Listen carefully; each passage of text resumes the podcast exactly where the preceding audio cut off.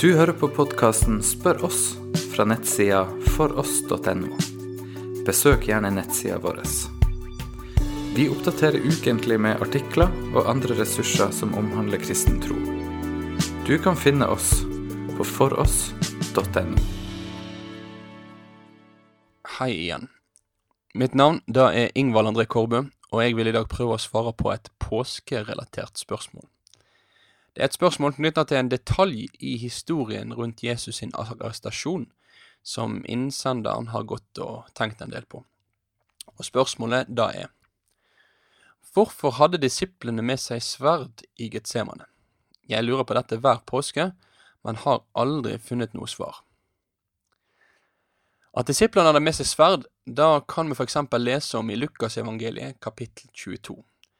Det står om dette i flere av evangeliene, men i Lukas 22 og vers 50 så kan vi lese om hvordan en av disiplene kutta øra til øverstepresten sin tjener i hagen. Så hvorfor hadde denne disippelen med seg et sverd? De, de gikk jo med Jesus, så trengte de egentlig noe sverd? Og Jeg vil prøve å svare litt på dette her i, i to deler. Først vil jeg prøve å si litt ut ifra den generelle kulturen som var på den tida, før jeg mot slutten av svaret går inn i hva bibelhistorien sier at har skjedd i forkant av at de nå er samla i Getsemane. Som en bibelleser i Norge i 2017, så er det alltid viktig å være oppmerksom på at Bibelen er skrevet i en annen tid, og det er skrevet i en annen kultur enn den som vi tilhører. Og En konsekvens av dette her, det er at en del sånne her omkringliggende opplysninger i bibeltekstene av og til kan virke litt merkelig for oss, for det at det ikke er så vanlig for oss i Norge i dag. Og Sånn kan det f.eks. være med dette her å gå med sverd, som er ganske fremmed for oss i dag. Stort sett så er det jo sånn at eneste gangen nordmenn går med noe som kan ligne på sverd, det er på 17. mai, når folk spenner opp bunadskniven for å pynte seg litt ekstra opp på den store dagen. Men sverdbruk var nok ganske mye mer vanlig i Israel rundt år 30 enn det er i dag. Og spesielt mannfolk ser ut til å ha hatt et annet forhold til våpen i denne tida. I Mishna, som er en av jødedommen sine religiøse tekstsamlinger, så kan vi lese at eh, en rabbi, rabbi Elieser, omtaler våpen som mannens utsmykking. Det var med andre ord ikke noe en skjemtes over å tvert imot. På samme måte som damer gikk med smykke eller øreringer eller hva det skulle være, så kunne mannen da gå med våpen for å pynte seg. Og Det var derfor ikke unaturlig for en person å bære et sverd. Og I tillegg så var det sånn at denne utsmykningen den hadde en funksjon. Den ga beskyttelse, f.eks. i møte med tjuver, eller i møte med ulike farer som kunne true.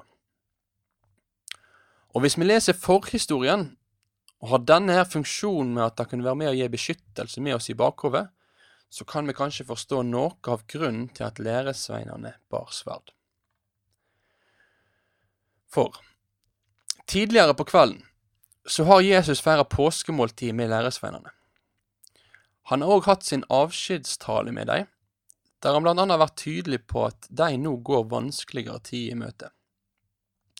Jesus han har sagt at han skal bli regna som en lovbryter, med andre ord at han skal komme til å bli arrestert. Mens Peter han har vært tydelig på at han er villig til å kjempe for Jesus, om det så medfører både fengsel og død. Og På vei ut ifra salen der de har feira nattverd, så henvender disiplene seg til Jesus og sier at de har to sverd. Og Det er med dette her som om de vil prøve å bevæpne Jesus for det som skal skje. Jesus sin respons er i den sammenhengen veldig kort. Han bare sier 'det er nok'. Det er som om han vil prøve å få de til å slutte. Og så går han til Getsemane. Hva læresveinene har tenkt i denne situasjonen, da, det veit vi egentlig ikke, men kanskje vi kan våge å tenke litt videre.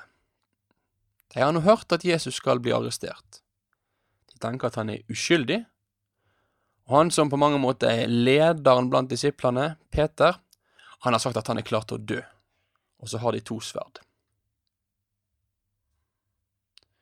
Det er derfor ikke så usannsynlig i mine øyne at de denne kvelden i Getsemane har med seg sverd, fordi de tenkte at det kunne være òg noe som de trengte til beskyttelse.